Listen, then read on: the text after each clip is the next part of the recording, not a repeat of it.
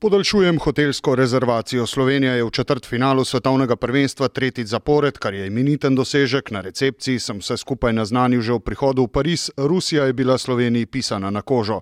Glede na mučenje Špancev proti Brazilcem na jugu celo bolj, sloj za slojem, kot matrioško so odpirali rusko obrambo slovenski rokometaši, dokler ni od nekoč velike Rusije ostala le najmanjša možna figurica, tista, ki v sebi ne skriva ničesar. Ne maram sicer primerjav v številu prebivalcev ali višini BDP-ja, ker se to v športu da še kako nadoknaditi, a prav smešno je bilo, da po dvoboju Rusi, ki so v tem športu osvojili vse, kar se osvojiti da, tako zlivajo gnojnico po dvojčicah Bonaventura, prvih damah, ki sta si upali v tem grobem športu deliti pravico tudi na moškem turnirju v zaključnih bojih.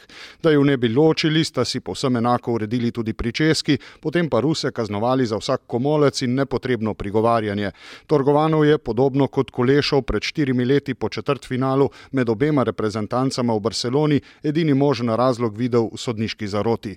Rusi so pozabili igrati rokomet, Slovenci so večji in boljši. Zmagati v takšnih tekmah je očitno postalo samoumevno.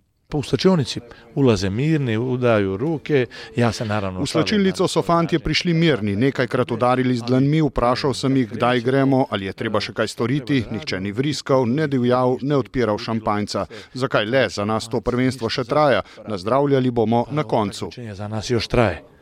Daj Bože, da otvorimo taj šampanjec v nekoj drugoj i boljoj situaciji je po uvrstitvi med najboljših osem dejal Veselin Vujovič. To je bila zadnja tekma tega turnirja, v kateri je bila Slovenija v vlogi favorita. S tem bremenom se je različno kosala že na tem turnirju. Priznati pa je treba, da je v glavnem v zadnjem obdobju redko res zatajila. Vsi že govorijo o Nemcih, bad boys jim pravijo po naslovu evropskih prvakov na Polskem pred letom dni, a kdo bo tekmec, bo znano šele drevi. V vsakem primeru bo imela Slovenija dan počitka več, tekma bo šele v torek in iz Pariza se bomo še oglasili.